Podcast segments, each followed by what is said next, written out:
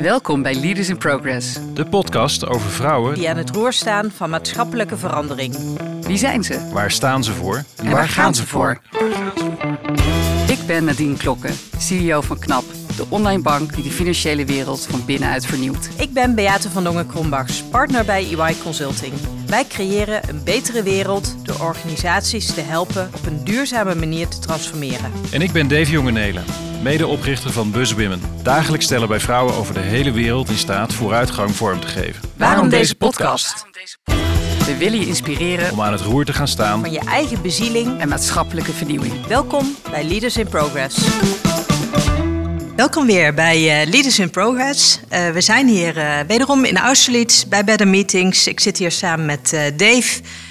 En vandaag te gast is Cyrille van Bracht.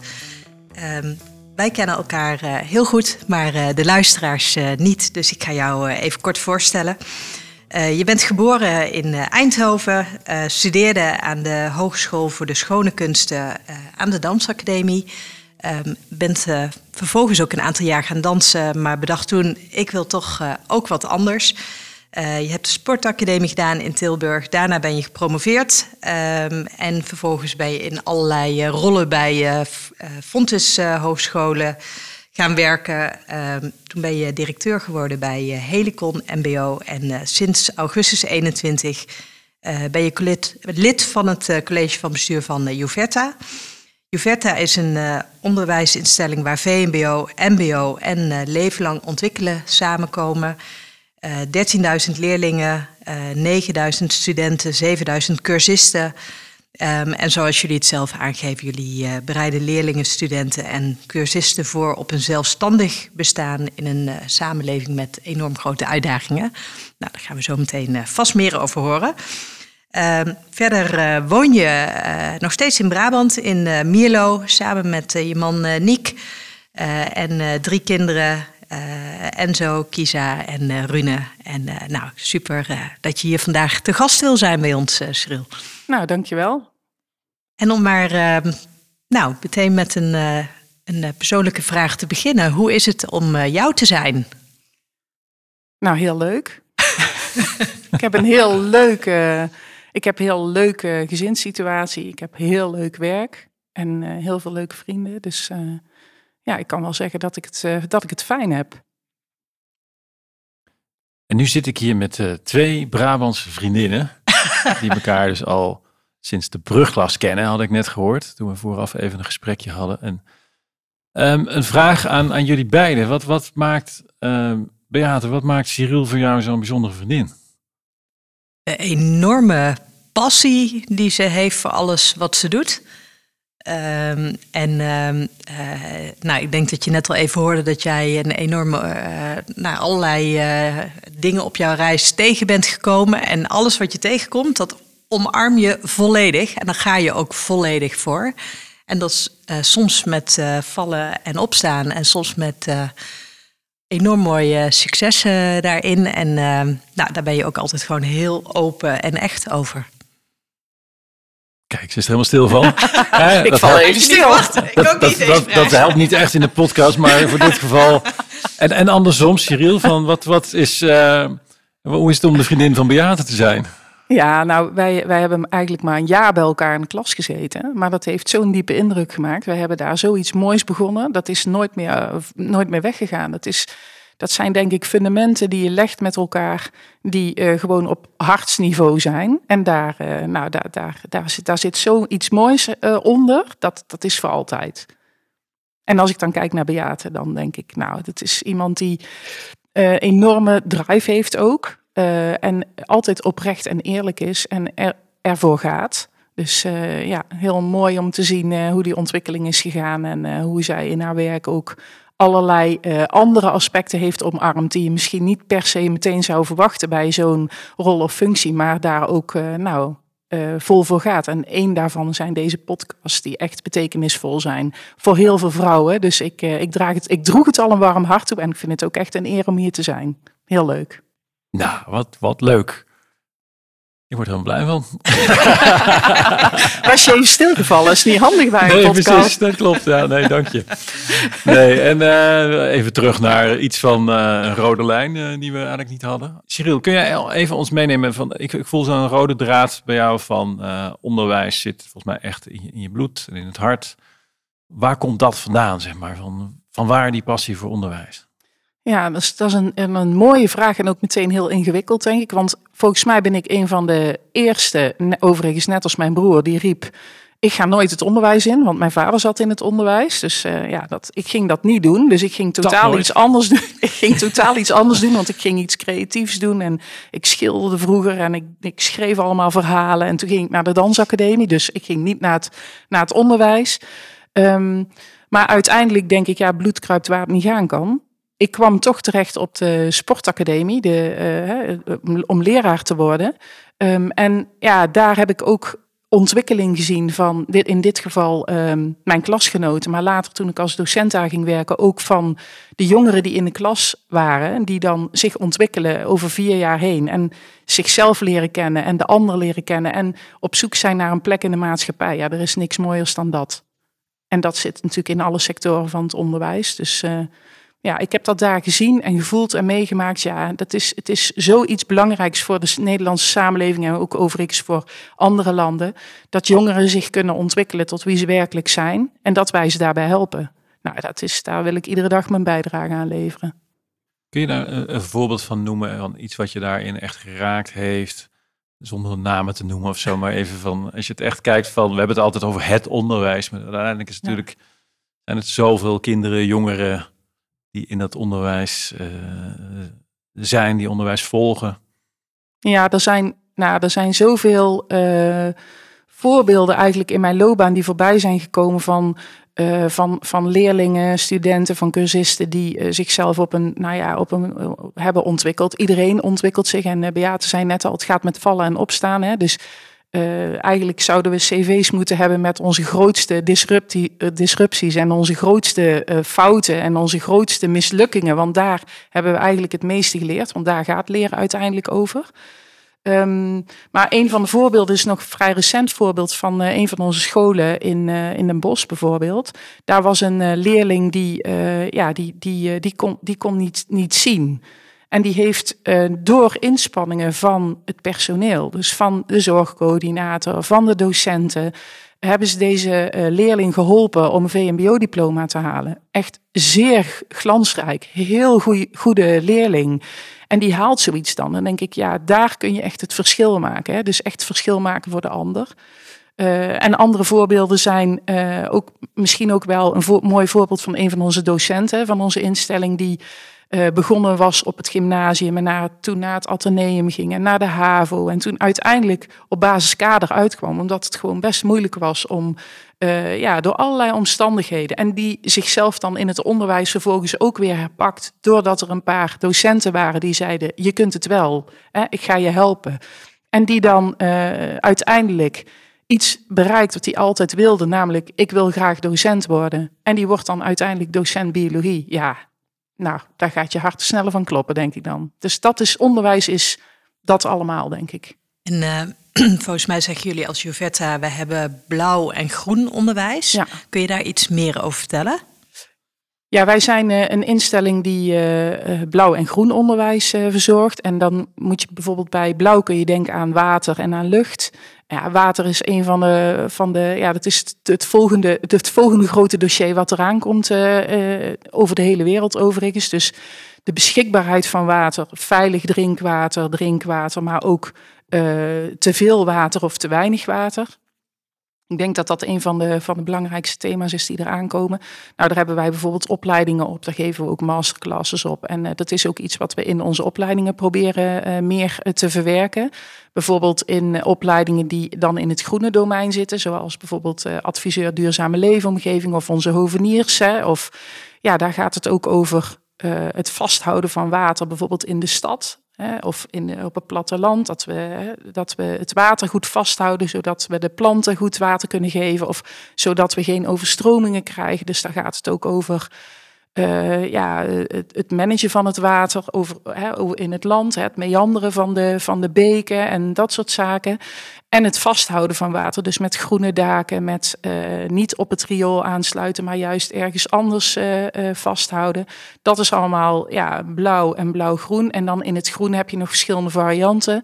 Daar heb je bijvoorbeeld um, nou, de, de, de jongens en de meisjes die bij de balie zitten bij de, uh, bij de dierenarts, de paraveterinaire uh, studenten. Um, uh, we hebben ook opleidingen rondom voeding, we hebben opleidingen rondom biodiversiteit en klimaat. en we hebben ook de boeren, die zitten ook bij ons op school. Dus wij hebben eigenlijk alle groepen in huis. Dus wat er in de samenleving is, dat hebben wij ook bij ons op school. En um, als je nu kijkt naar een aantal jaar geleden versus nu, zie je dat het onderwijs dan sterk veranderd is? Het, wat bedoel je, het onderwijs sterk veranderd? Nou, de manier waarop jullie met dit onderwijs omgaan. Uh, nou, in, in, ons onderwijs, um, nou, je ziet grote veranderingen in het onderwijs over de hele uh, lijn. Hè. Kijk, wij hebben natuurlijk VMBO, MBO en we hebben leven lang leren en ontwikkelen. Je ziet dat er uh, in, het, in dat laatste, dat er een, gewoon een ontwikkeling gaande is, dat er meer nou ja, druk is ook vanuit de overheid, maar ook vraag is vanuit de werkgevers om meer mensen op te leiden, omdat je nooit uitgeleerd bent. Dus het echte leven lang leren en ontwikkelen.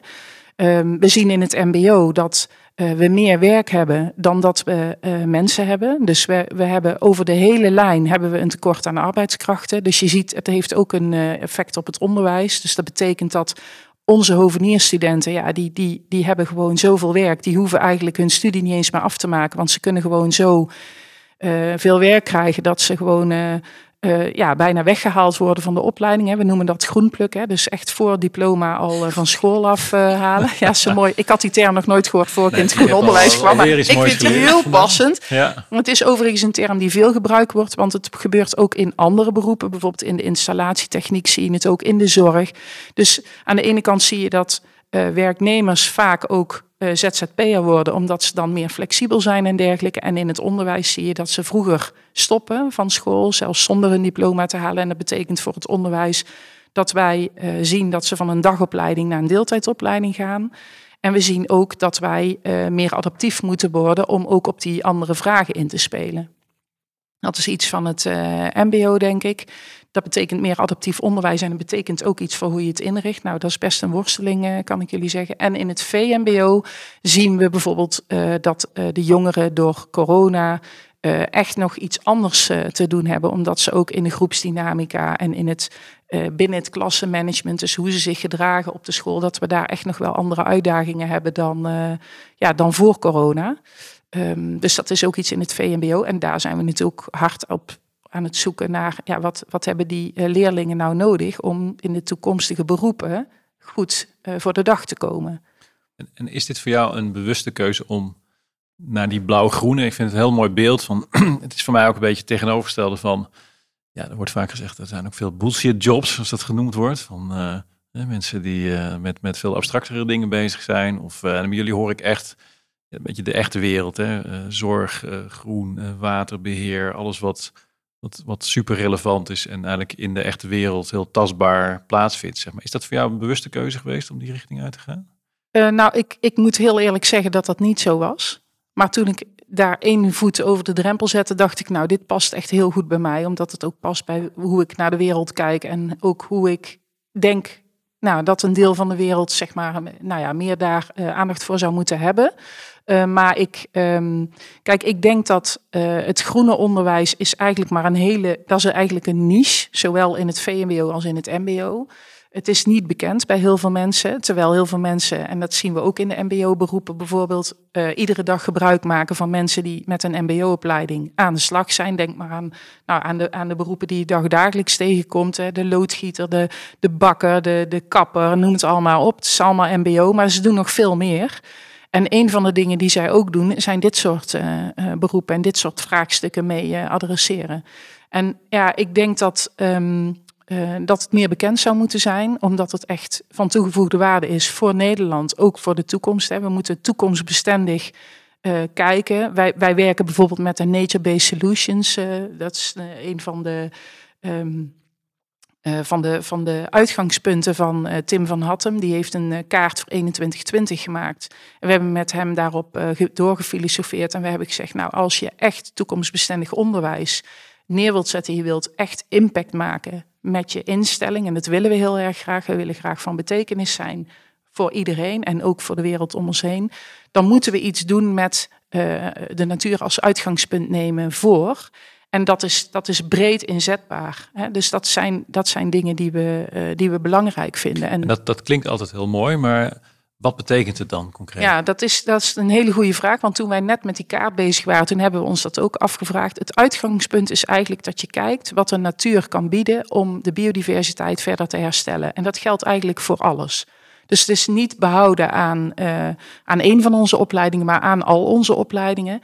Want uh, onze boeren, onze studenten die in de boerenopleidingen zitten, hè, die, uh, die zijn daar ook iedere dag mee bezig. Want hun land moet goed blijven. Hun land hebben ze nodig om het voedsel te verbouwen, om het mais neer te zetten, om de koeien te laten grazen. Dus dat is, dat is gewoon heel erg belangrijk. En dan een voorbeeld daarvan is bijvoorbeeld duurzaam bodembeheer, waarin je echt met de studenten samen kijkt naar wat is er nodig om het bodemleven zo goed mogelijk te krijgen, zodat je ook die bodem met respect voor over zeven generaties, bij wijze van spreken, kunt benutten. Nou, dat, is dat is, doet duurzaam bodembeheer en dat is ook nature-based solutions, want je kijkt hoe je de natuur kunt benutten om die bodem niet uit te putten, om die recht te doen en om die nog lang te mogen gebruiken. Ja, prachtig. En, en, en hoe ver zijn jullie daarmee? Als je nou over de hele linie kijkt van... Ik kan me voorstellen dat je het niet van dag één op, op dag twee ingevoerd hebt. Van... Ja, nee, het is eigenlijk meer een, een beweging. Um, het is, um, we zijn bijvoorbeeld uh, bezig met de duurzame doener. Dat is dan hoe wij onze student willen opleiden. Maar dat zijn allemaal ja, het is een beetje pocket innovation-achtig. Dat zijn allemaal uh, um, kleine interventies die je doet binnen opleidingen. We hebben bijvoorbeeld gezegd, we omarmen de SDG's als een van onze basisprincipes van onze instelling. Um, en dat verwerken we dan bijvoorbeeld ook dat ze dat bijvoorbeeld moeten adresseren in hun stage. Dus we laten eigenlijk, we vinden eigenlijk dat wij dat niet van bovenaf moeten opleggen, maar dat onze mensen dat zelf uh, ja, moeten in hun curriculum moeten inbouwen.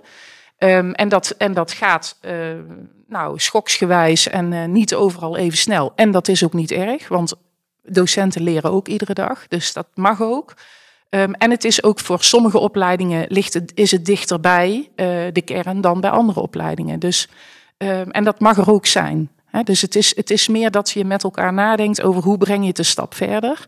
en hoe doen we dat zo, zodat we over zeven generaties ook nog hier kunnen zijn en dat we het niet heel warm krijgen. En trekken jullie nou ook een specifieke groep studenten dan aan die, die al hier iets mee hebben? Of ontstaat dat meer als ze bij jullie uh, in de opleiding zitten? Ik denk dat het beide is. Ja. Er is uh, het groene onderwijs heeft een gewoon brede bekendheid onder heel veel beroepen die gewoon in het groen al werken. Ja. Um, dus daar zien wij, ja, dat is eigenlijk vrij stabiel. Um, maar wat we zien is dat ja, in de samenleving is er veel meer aandacht voor, uh, voor dit soort vraagstukken. En de polarisatie is daar ook bij aanwezig. Dat zie je ook in de hele discussie rondom uh, nou ja, de, de stikstof, het stikstofdossier en Urgenda, of Urgenda heet het, ja, Urgenda. Dat je, wij zagen bijvoorbeeld dat onze studenten de ene dag uh, stonden de studenten uh, met het bord op Malieveld om uh, voor ja, het, het, het, we, zijn, we zijn aan de late kant. En de volgende dag kregen we verzoeken van onze studenten van de, van de opleiding van veehouderij. Van ja, wij willen ook naar het Malieveld, want hè, wij, moeten, wij willen ook ons brood verdienen en we doen het wel goed. Hè? Dus dat, het, het is in de samenleving gewoon aanwezig. Het is niet iets wat nieuw is. Het was er altijd al. Alleen het gaat er nu over hoe gaan wij met elkaar samen deze opdracht uh, oppakken. Daar gaat het over. Je had het over uh, zeven generaties. Als, als we nou naar jou kijken. Uh, als meisje wilde je in ieder geval niet dat onderwijs in. waar je nu wel zit. Ja.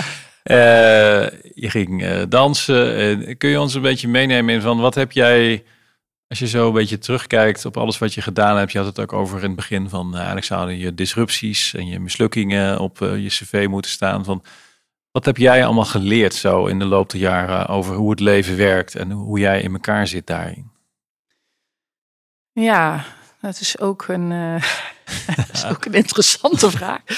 Um, nou, ja, nou ja, er gebeurt van alles in het leven. En ja, ik, ik dacht toen ik 16 was dat ik, dat ik in musicals wilde staan en dat ik op het toneel wilde. En ik heb daar ook gestaan en ik vond het geweldig om te doen.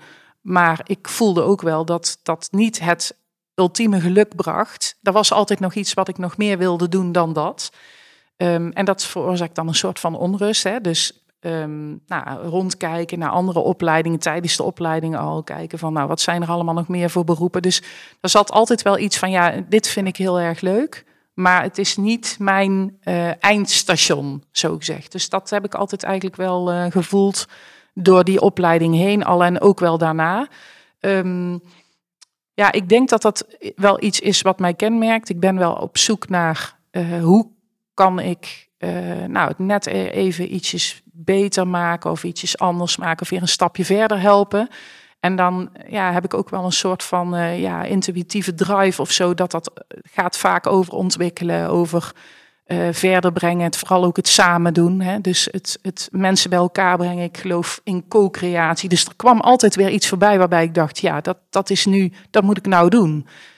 Terwijl dat misschien in de ogen van anderen een hele rare keuze was. Hè? Dus als je ergens werkt en mensen hebben dat als droom. En ik zeg dan, ja, ik ga hier weg, want ik ga wat anders doen. Namelijk, ik ga dit of dat doen. Ja, dat, dat is niet altijd, wordt niet altijd begrepen. Terwijl je ja, in je hart voelt of intuïtief aanvoelt, dit is een goede stap, dit moet ik doen. Dus dat zo, ja, zo gaat dat dan eigenlijk. Het is niet een, een vooropgesteld plan of zo. Dat is echt een ontwikkeling. Maar wel gedreven door iets wat in jou zit. Eigenlijk die ja. wens om steeds te verbeteren. Ja. Die zoekt toch naar het ultieme geluk, zoals je zei. Er ja. ontbrak nog iets in. Ja, en het ultieme geluk niet zozeer ook voor mezelf, maar ik geloof echt wel dat we iets te doen hebben op deze wereld en dat het niet helemaal gelijk verdeeld is. En dat er echt, ja, dat we eigenlijk allemaal uh, een, ja, een puzzelstukje zijn in het grotere geheel. Of dat nou gaat over de ontwikkeling van mensen, of of dat nou gaat over uh, onze aarde, of ja, je moet het samen doen. Dus ja, ik, ik denk dat ik altijd wel, ja, ik loop wel warm voor om dingen met andere mensen op te pakken. Ik mocht ook een ik mocht ook een tijdje lang onderzoek doen als, als, uh, in een lectoraat. En ik mocht uh, teams begeleiden. En uiteindelijk ging dat niet meer samen. En toen moest ik toch kiezen. En toen heb ik toch gekozen om het met mensen te doen in plaats van het onderzoek doen. En niet dat het onderzoek niet leuk was. Daar heb ik ook heel veel van geleerd. Maar ik wil toch liever met andere mensen werken. Omdat je samen kom je gewoon zoveel verder. En daarom geloof ik ook bijvoorbeeld in, in ja, creativiteit en co-creatie. Omdat ik denk dat je in diversiteit vind je meer mogelijkheden en komen de oplossingen en de vraagstukken van de toekomst kun je dan beter adresseren. En, uh, je, je, hebt op een gegeven moment besloten om te gaan promoveren. Wat, wat maakte dat dat je dat. Uh... Ja, dat is eigenlijk per ongeluk. dat is eigenlijk per ongeluk gebeurd. Ja, ik, dat is wel een leuke vraag. Nou, ik deed een heel leuk traject bij Fontis. En dat ging over hoe uh, moeten we nou onze studenten goed voorlichten, zodat ze op de juiste plek terechtkomen? En dat begon als een project over uitvalpreventie. En dat heeft zich ontwikkeld naar, ja, door al die literatuur en al die dingen die ik moest lezen en die onderzoeken die ik deed, naar uh, het bevorderen van studiesucces. Dus hoe kun je studenten helpen om succesvol te zijn? Um, nou, daar zijn ook de, dat heeft mij echt wel geraakt in die tijd. De, de theorieën vanuit de positieve psychologie heb ik daar heel veel, heb ik heel veel over gelezen. Uh, dat heeft ook wel gemaakt dat daar die draaien is gekomen in dat proefschrift van toch meer kijken naar uh, waarom is de een succesvol en de ander minder en waar zit dat dan in? Hè? Bijvoorbeeld in veerkracht of in hè, hoe, hoe, ervaar je nou geluk of hoe zorg je nou dat je zelf in je autonomie hè, uh, aan het stuur blijft zitten en dat je gemotiveerd blijft. Ja, dat, dat, en dat, ja, die, die promotiestudie die kwam vanuit een project dat, daar deden zoveel scho uh, scholen toen van Fontes aan mee, dat, dat dat werd heel groot. En uiteindelijk heeft een van mijn collega's gezegd, nou misschien moet je er een proefschrift over schrijven. Nou, dat, ja, oké. Nou, toen is er een gesprek gekomen met mijn toenmalige promotor. Die is ook mijn promotor geworden, die uh, man, Johan van der Zanden. En die, ja, die, die zei aan het einde van het gesprek tegen mij, ja, wil je doen? En ik dacht, wil je het doen? Ik kom bij jou op gesprek om te vragen of je me wil begeleiden. En toen zeiden ja, ik had het gevoel dat het voor mij net zoveel een sollicitatie was als voor jou. Ehm, dus zie je het zitten met mij? Ja, het was echt, nou, toen wist ik het zeker. Dit, dit moet ik met hem gaan doen, want ik kan zoveel van deze meneer leren. En dat was ik zo veel van geleerd. Ja, zo is het eigenlijk ontstaan. En Fontes heeft dat natuurlijk ook ondersteund, hè, doordat zij zeiden van ja, uh, dit is een belangrijk onderwerp, hè, studiesucces, dus uh, ga maar doen.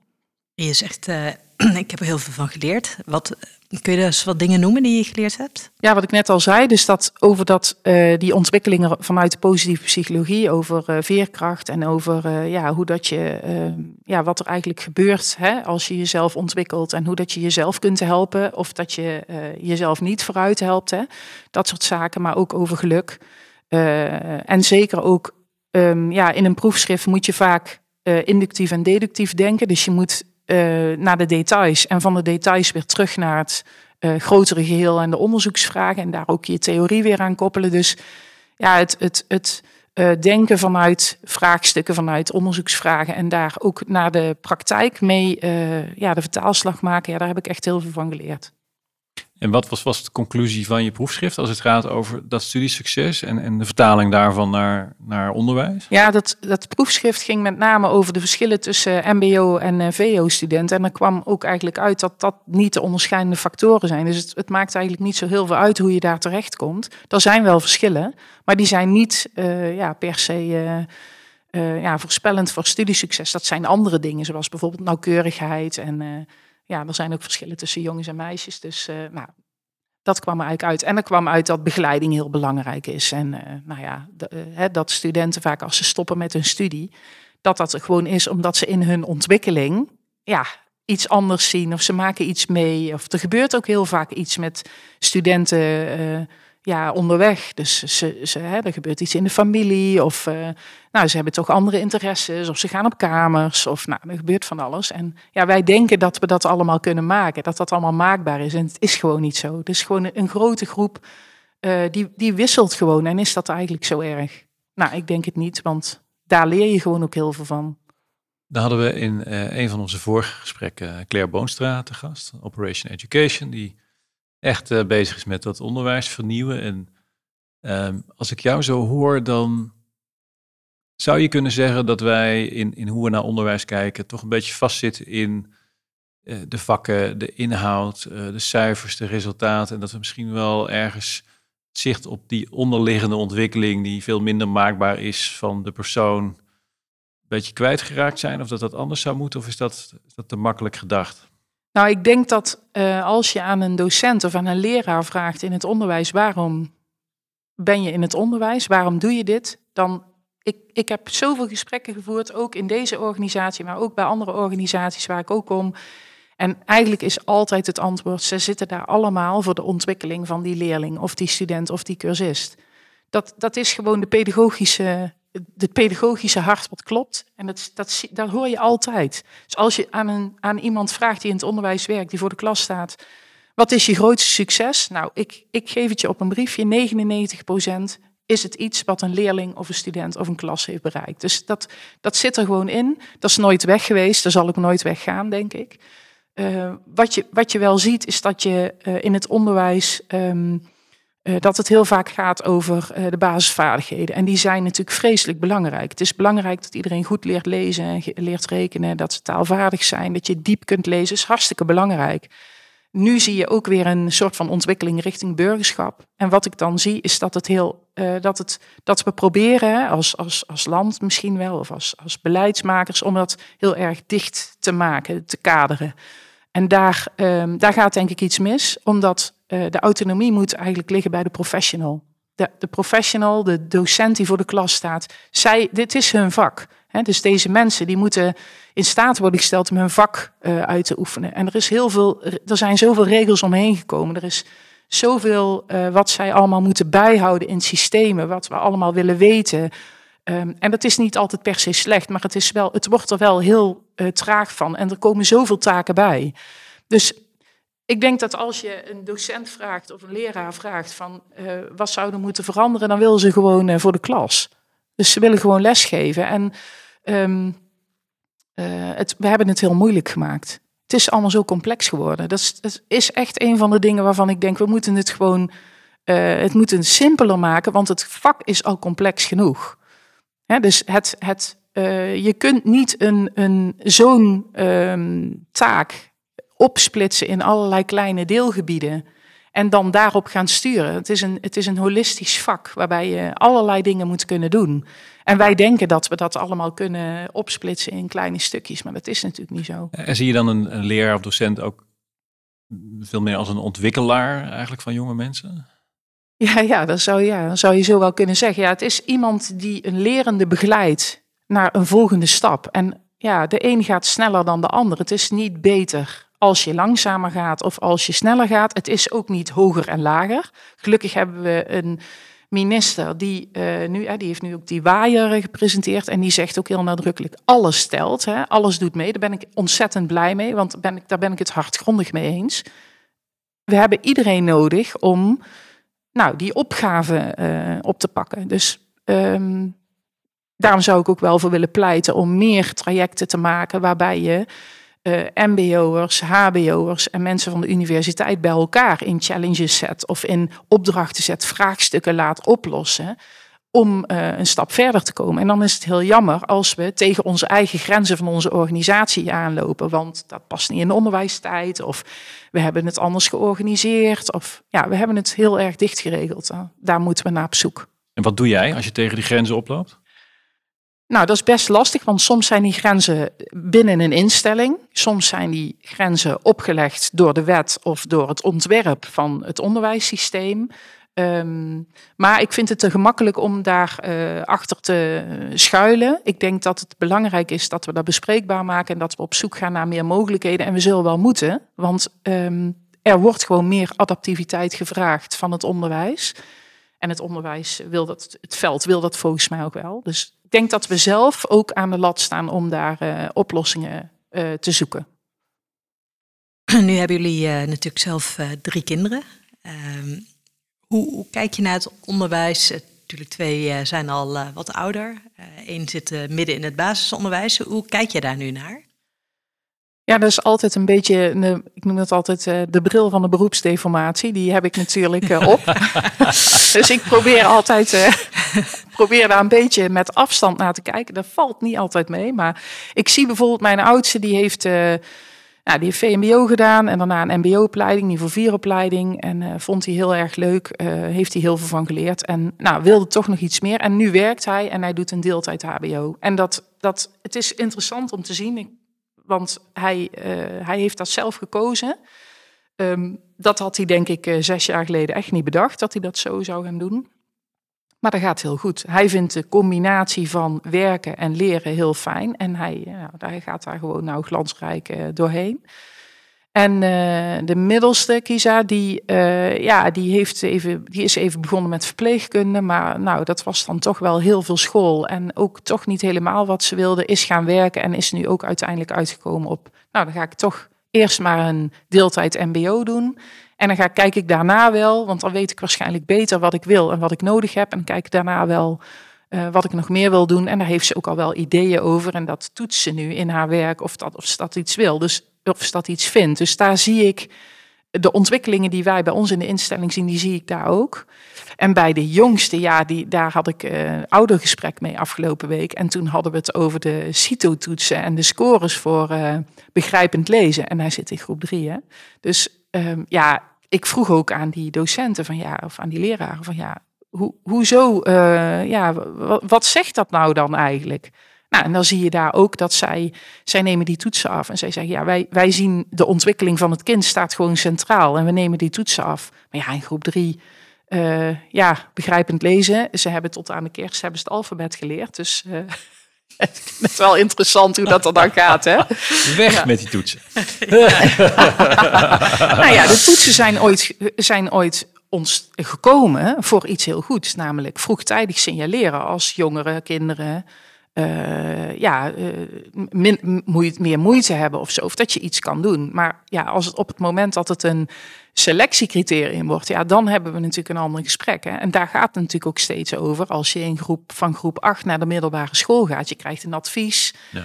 Uh, ja, iedereen is eh, op een ander moment in de ontwikkeling. En als je eenmaal in een bepaald treintje zit, ja, dan, dan uh, is overstappen heel moeilijk. Dus dat is dat hoge-lage mechanisme wat zo impliciet in dingen ver, verankerd zit. Ja, nou, in de maatschappij. Ja, ja. ja vraag maar eens aan docenten die gesprekken moeten doen met ouders. Ehm, ja, ja, mijn kind moet naar het, naar het basiskader en mag niet naar de HAVO. En dat vind ik echt heel erg. Dat soort type zinnen komen er dan. Ja, dat is echt hartverscheurend.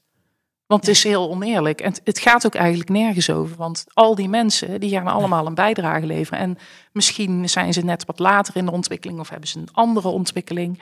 Ja, waarom is dat hoger of lager? Dat zou niet zo. Uh, dat, is, dat is niet uh, waar het over gaat.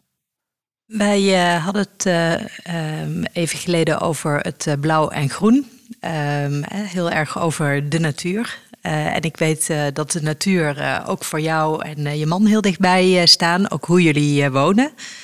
Ehm, kun je daar wat meer over vertellen? Wat, wat, wat brengt de natuur voor jullie? Mooie insight informatie. Hè? Ja, dat weet jij natuurlijk niet, hè, hoe dat is. ja, nou ja, kijk, um, ja, de natuur is eigenlijk gewoon iedere dag heel dichtbij. Hè? Dus ja, bij ons in de tuin bijvoorbeeld letten wij op Um, dat we bijvoorbeeld ook een deel eetbaar groen uh, hebben staan, waar we dus zelf uh, ja, een beetje voedselbosachtige uh, elementen in kunnen brengen. Terwijl ja, mensen denken dat je dan een hele grote tuin moet hebben, maar dat kan ook al op, een, op, ja, op, op, een, op een tegel, bij wijze van spreken. Nee, niet op een tegel, tegen eruit, groen erin, dat was het. Hè? nee, maar daar in die tuin kun je al heel veel doen. En ja, we weten ook uit onderzoek, hè, de, de WUR heeft veel onderzoek gedaan naar de, de waarde van groen ook voor uh, mentale gezondheid. Uh, dus het groen om je heen brengen doet ook iets met, met je veerkracht en met je geluk. En ja, mensen die veel in het groen zijn, die zijn vaak, ja, die, die kunnen meer aan, die zijn rustiger. Omdat ze, daar is ook echt onderzoek naar gedaan. Dus het is, dat is iets wat wij ook, we hebben in huis ook heel veel, heel veel verschillende planten, maar buiten dus ook. En waar we bijvoorbeeld op letten is dat we kiezen voor inheemse planten. En dat we kiezen voor planten waar meer bijen op afkomen of vlinders. Hè. Dus je kunt allerlei verschillende um, planten aanschaffen. En daar kun je dus ook heel gericht zeg maar, in kiezen. En dat doen wij dus. En nu zie je tegenwoordig in de winkels ook dat er kaartjes aan hangen. Uh, met name geschikt voor bijen of voor vlinders of uh, nou ja, en waar ze vandaan komen. Dus dat soort type dingen. En we hebben een, uh, we hebben een wormenhotel. En dat wilde ik heel erg graag een heel onderzoek naar gedaan hoe dat het dan zou moeten. Dus wij zijn ook een, um, wij houden van community building hè, bij Joverta, maar ook thuis. Dus wij hebben thuis een, uh, een fruitvliegjes community. Die zit in de omgeving van de wormenbak. Ja. en uh, uh, ja, dat is, dat is. Ik heb laatst nog, uh, moest ik nog ergens een kick-off doen van uh, onze duurzame 100, uh, de duurzaamheidsambassadeurs van Juverta. En toen heb ik, vertelde ik ook over de wormenbak en over mijn fruitvliegjes community. En toen heb ik ook gevraagd, als iemand een oplossing heeft hiervoor, wil die dan maar alsjeblieft vertellen hoe ik dit moet doen. Want ja, als je een wormenbak hebt, ga je natuurlijk niet met een, ja, met een verdelger spuiten. Want nou ja, je ziet die wormenbak natuurlijk niet voor niets. Dus nou, de wormenbak is een voorbeeld. En natuurlijk zorgen dat in de tuin de vogels genoeg plekken hebben. Dus veel bomen, nestkastjes op goede plekken, waterbakjes, dat soort dingen.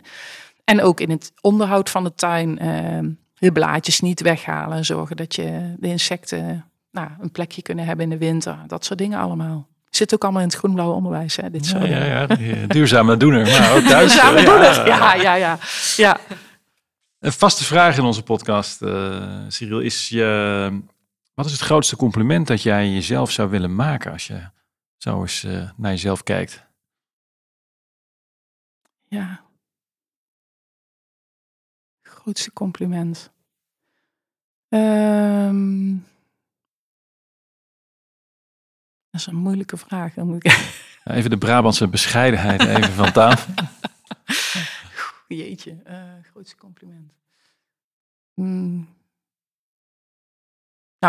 ja, ik denk dat ik. Um, dat ik als ik ergens voor wil gaan, dan maakt het me niet uit wat andere mensen ervan vinden. En dan ga ik toch voor waar ik in geloof. En, ik, en, dat is, en ook als het iets is wat nou ja, buiten mijn comfortzone ligt. Of, uh, of, of wat in men, andere, de ogen van, van andere mensen misschien niet goed zou zijn voor mijn loopbaan of voor mijn eh, cv. Of daar geloof ik allemaal niet in. Ik ga gewoon, uh, ik, ga, ik doe het dan toch. Ik denk dat dat is wel, uh, dat is wel denk ik het grootste compliment. Eh, heb je dat altijd gehad? Ja. ja, ja, dat is denk ik wel, ja, ik denk wel dat dat is, ja. Als ik zo even terugdenk, dan denk ik ja, dat zijn wel is wel, wel aangeboren autonomie en creativiteit. ja, is ook een beetje een vrijgevochten iets. En, uh, en, en het is ook wel, uh, ja, ik denk dat onze generatie daar ook wel eens mee opgegroeid is. Dus uh, met, nou, grijp je kansen en ontwikkel jezelf. En er is altijd iets te leren. En nou, dat. Dus ja, ik denk dat ik daar wel een goed voorbeeld van ben. Ja. Van wie heb je dit?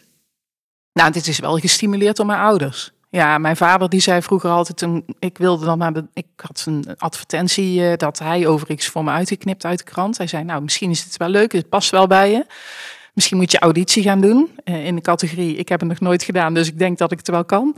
En uh, gegaan. En uh, toen moest ik uiteindelijk, was ik klaar met, met mijn HAVO-opleiding en naar de dansacademie. En nou ja, gewoon iedereen om ons heen zei, ja, ga toch niet naar de dansacademie, daar kun je je brood niet mee verdienen. En nou, ik zei, ik wil het graag doen, waarom zou ik dat niet doen? Er zijn mogelijkheden genoeg.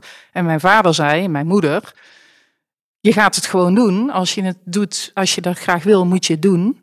Want daar word je alleen maar sterker van en dan leer je jezelf goed kennen. En daarna zien we wel weer verder.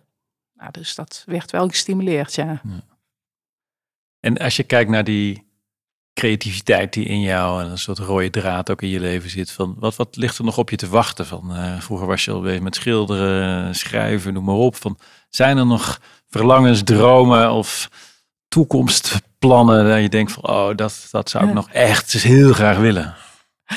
Nou, ik heb een tijdje in een band gezeten. Dat was eigenlijk, is eigenlijk ook nou ja, een heel bijzonder verloop. Want ik had een gedichtenbundel geschreven. En een van mijn uh, oud-collega's, die, had dat, uh, die had dat gezien ergens. En die zei, ja, onze band uh, die wil eigenlijk zelf nummers schrijven. Kunnen we niet jouw gedichten? En nou, ik zei ook, nou, nou ja, natuurlijk mag dat. Ja, maar dan willen we eigenlijk wel dat jij het dan herschrijft naar een nummer. Oh, oké.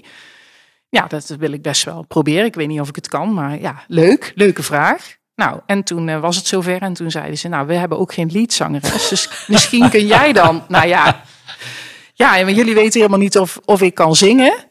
Nou, had ik natuurlijk op de dansacademie wel zangles gehad en zo. En hij wist dat natuurlijk dat ik op de dansacademie, maar hij zegt, ja, jij hebt gewoon een hele aangename stem. Dus wij denken echt, ja, dat jij heel goed bij ons zou passen. Nou, en zo gebeurde het dus ook. Dus vervolgens was ik iedere donderdagavond in de band aan het zingen. En toen ging er een gitarist weg. En toen hadden we ook geen bassist meer. En ik had nooit gitaar gespeeld. Dus toen zei ze, kun jij dan niet ook de basgitaar doen? Dus ja, hoe dan? nou, filmpjes, YouTube. En een van de gitaristen zei, ik kom wel een paar keer bij jou in het weekend uh, jou leren basgitaar. Ik neem ook de gitaar mee, dus die hoef je zelf niet aan te schaffen. Ja, niet dat ik dat dan heel goed kon of zo, maar ik, kon, ja, ik ging dat wel doen. Ik vond het wel leuk om, uh, om, uh, om mee bezig te zijn. Dus ja, ja ik, ik grijp dat soort dingen gewoon, uh, vind ik gewoon leuk om te proberen. Het lukt niet altijd, hè? Ja, je bent per ongeluk gepromoveerd. Je bent ja. per ongeluk uh, leadzangeres geworden. Ja, maar je vroeg volgens mij wat ik nog zou willen. Ja, dus het precies. gekoesterde wens van mij is dat ik zou heel graag nog een keer...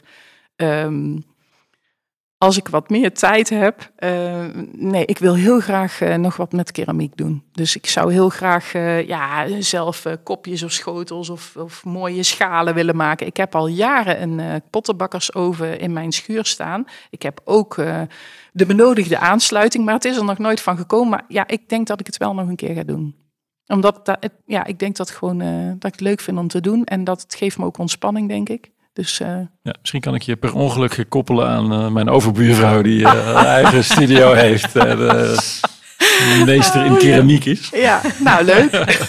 ja. Nou, ik zeg altijd zo, op het moment dat je iets uitspreekt en je gooit het in het universum, dan gebeurt er van alles. Dus ja, wie weet. Ja. Wij komen op het einde van deze podcast. Zijn er dingen waar we het nog niet over gehad hebben, waarvan je zegt, nou, dat hadden we toch nog even moeten benoemen? Mm. Nou. Nou, misschien wel uh, de vraag: waar gaat het, wat is de, de, waarde van het onderwijs voor in de generiek, hè? dus niet zozeer het blauw-groene, maar het onderwijs voor, ehm, voor ons, hè? Voor, onze, voor onze samenleving. Ik denk dat dat wel iets is waar ik nog wel iets over zou willen zeggen, omdat ehm, alle elementen zijn belangrijk in een samenleving. Dus de zorg en de techniek en, en, en uh, nou, alles wat te maken heeft met, uh, met huizen bouwen en uh, voedsel. zorgen voor voldoende voedsel en gezond voedsel en dergelijke. het onderwijs, um, ik denk dat het goed is dat we het onderwijs meer in de spotlight zetten. Omdat um, leerlingen, studenten, cursisten zitten heel veel in, in de klas. Uh, daar kun je echt in die ontwikkeling wordt de basis gelegd van de samenleving over 10, 20 jaar. En ik denk dat het uh, belangrijk is dat we daar meer aandacht aan besteden, omdat daar ligt ook het fundament voor de toekomst. Dus dat is nog wel iets waarvan ik zeg, dat zouden we, daar zouden we gewoon in het debat meer over moeten hebben. Van en, en meer aandacht, waar, waar specifiek zouden we dan meer aandacht aan moeten besteden? Nou, dat we, um, dat we um, dat we ons meer bewust zijn van het belang van onderwijs in de samenleving aan zich. En dat we dat dan niet doen alleen maar door te zeggen dat we een burgerschapsdocent moeten hebben met allerlei kwalificaties en dat het in een dossier moet zitten. Dat, dat snapt een burgerschapsdocent zelf ook wel natuurlijk. Maar dat we het met elkaar hebben over wat, wat, waarom is het nou zo belangrijk, school? En waarom um, gebeuren daar dingen die voor de rest van de samenleving gewoon heel belangrijk zijn? Als je scholen hebt met uh, poortjes waar je doorheen moet lopen omdat er misschien gevaarlijke dingen de school in komen. Of um, nou, eh, hoe dat wij ons onderwijs inrichten, vormt ook onze jongeren en onze kinderen ook al op het basisonderwijs naar de toekomst toe. En daar werken heel veel mensen die, die daar echt verstand van hebben en die daar echt het verschil in kunnen maken. Um, die moeten we dan in hun kracht zetten. En dan moeten we zorgen dat we dat ook, nou ja, weer um, zo neerzetten als iets, als een hele belangrijke taak in de ontwikkeling van de jeugd voor de toekomst van Nederland en nog heel veel andere landen. Uh, en uh, ja, jaren geleden was het zo, als je docent was, dan, nou, dan had je echt, dan stond je in hoog aanzien en dan, uh, dan, dan, um, nou, dan, dan had je echt iets bereikt, zeg maar. En nu wordt er vooral heel veel gemopperd en er wordt veel op afgegeven. Als je ziet hoeveel gesprekken mensen moeten voeren omdat hun kind niet het juiste krijgt of uh, onvoldoende wordt ontwikkeld. Ik denk dat we uh, daar, ja, daar meer een debat over zouden moeten voeren van wat is er nodig, wat gebeurt er en hoe doen we dat samen. Dus met ouders, met bedrijfsleven en ook met scholen. En dat, da daar ligt namelijk de kern voor de ontwikkeling van waar we naartoe moeten. Dankjewel uh, Cyril over dit uh, gesprek, over jouw uh, passie voor het onderwijs, maar toch ook voor de creativiteit. Blauwe... mag, ik, mag ik een keer de samenvatting doen? Ja, tuurlijk Dave, ja, dat vind ik heel dan leuk. Kun jij het als vriendin nog even de, vind ik hartstikke leuk. de puntjes op de i ja, zetten? Doe jij de samenvatting? Ja, ik ga het proberen. Wat ik zo mooi vond Cyril aan jouw verhaal is... Um, Jij zei eigenlijk toen we vroegen naar wat maakt dat onderwijs nou zo mooi, en de voorbeelden die je gaf, zowel van leerlingen als docenten, was die, die onderliggende boodschap van hé, je kunt het wel. Als we dat kunnen meegeven aan mensen van je kunt het wel, is dat een enorme boost voor de ontwikkeling uh, van jonge mensen. Uh, je hebt ons meegenomen in het groen-blauwe onderwijs, voor mij nieuwe termen, maar uh, daar werd ik wel helemaal enthousiast van. En dat het eigenlijk gaat om de ontwikkeling en de opleiding van duurzame doeners, met de natuur als uitgangspunt. Um, en toen je het zelf had over wat ik het allermooiste misschien wel vond wat je zei, was uh, toen ik je vroeg van, ja, je was die danseres en uh, op zoek naar het ultieme geluk. Toen zei je eigenlijk, ja, ik, ik, ik ontdekte het ultieme geluk zit juist in het besef dat, dat ik een puzzelstukje ben in een groter geheel. Dus dat vond ik heel mooi, zeg maar, uh, heel mooi, weer, heel mooi beeld. En ja, wat ik zo mooi vind aan, aan alles wat je vertelde is van uh, er is je heel veel overkomen. Maar dat betekent ook dat je de stroom van het leven uh, laat gebeuren. Je per ongeluk gepromoveerd, per ongeluk in een band gezongen. Uh, per ongeluk nog beroemde keramiek, je fruitvliegjes community. en, en tegelijkertijd een enorme passie voor onderwijs. En een beeld ook van een aantal dingen die je daarover gezegd hebt. Was de, de leraar als ontwikkelaar gaan zien afscheid nemen van het hoger-lager denken en, en op die manier selecteren. En ook jouw pleidooi, pleidooi om de autonomie van de professional weer terug te brengen en het weer simpeler te maken. En het, het vak misschien wel meer her te waarderen en meer de vrijheid terug te geven aan, aan die professionals. Dus ja, ik, uh, ik, uh, dat is een beetje mijn samenvatting. En uh, ik wil je heel erg danken voor dit mooie gesprek en de ontmoeting. Ja, ik vond het een heel leuk gesprek. Dus de dank is wederzijds. Nou, daar kan ik uh, eigenlijk niet zo heel veel uh, aan toevoegen. Los van het feit dat ik blij ben uh, dat ik ook ergens toevallig op dat pad van jou terecht ben gekomen. En ik ben ontzettend benieuwd wat er nog allemaal op dat pad blijft komen. En dat blijf ik van dichtbij volgen. Dankjewel, uh, Schril. Dankjewel. Nou, beste vriendinnen en vrienden en vriendinnen, de luisteraars. dit was weer een mooie aflevering van serie eh, Leaders in Progress over vrouwen met een missie. Dus we hopen dat jullie volgende keer eh, weer willen luisteren. Dankjewel voor het luisteren naar deze aflevering van Leaders in Progress. We hopen dat je ervan genoten hebt en er volgende keer weer bij bent wanneer we een nieuwe gast aan tafel hebben. Ben jij geïnspireerd en zou je ook willen werken aan vooruitgang? Dat kan. Ga nu naar www.leadersinprogress.nl en kom in actie. Of neem direct contact met ons op via de e-mail. Graag tot de volgende keer.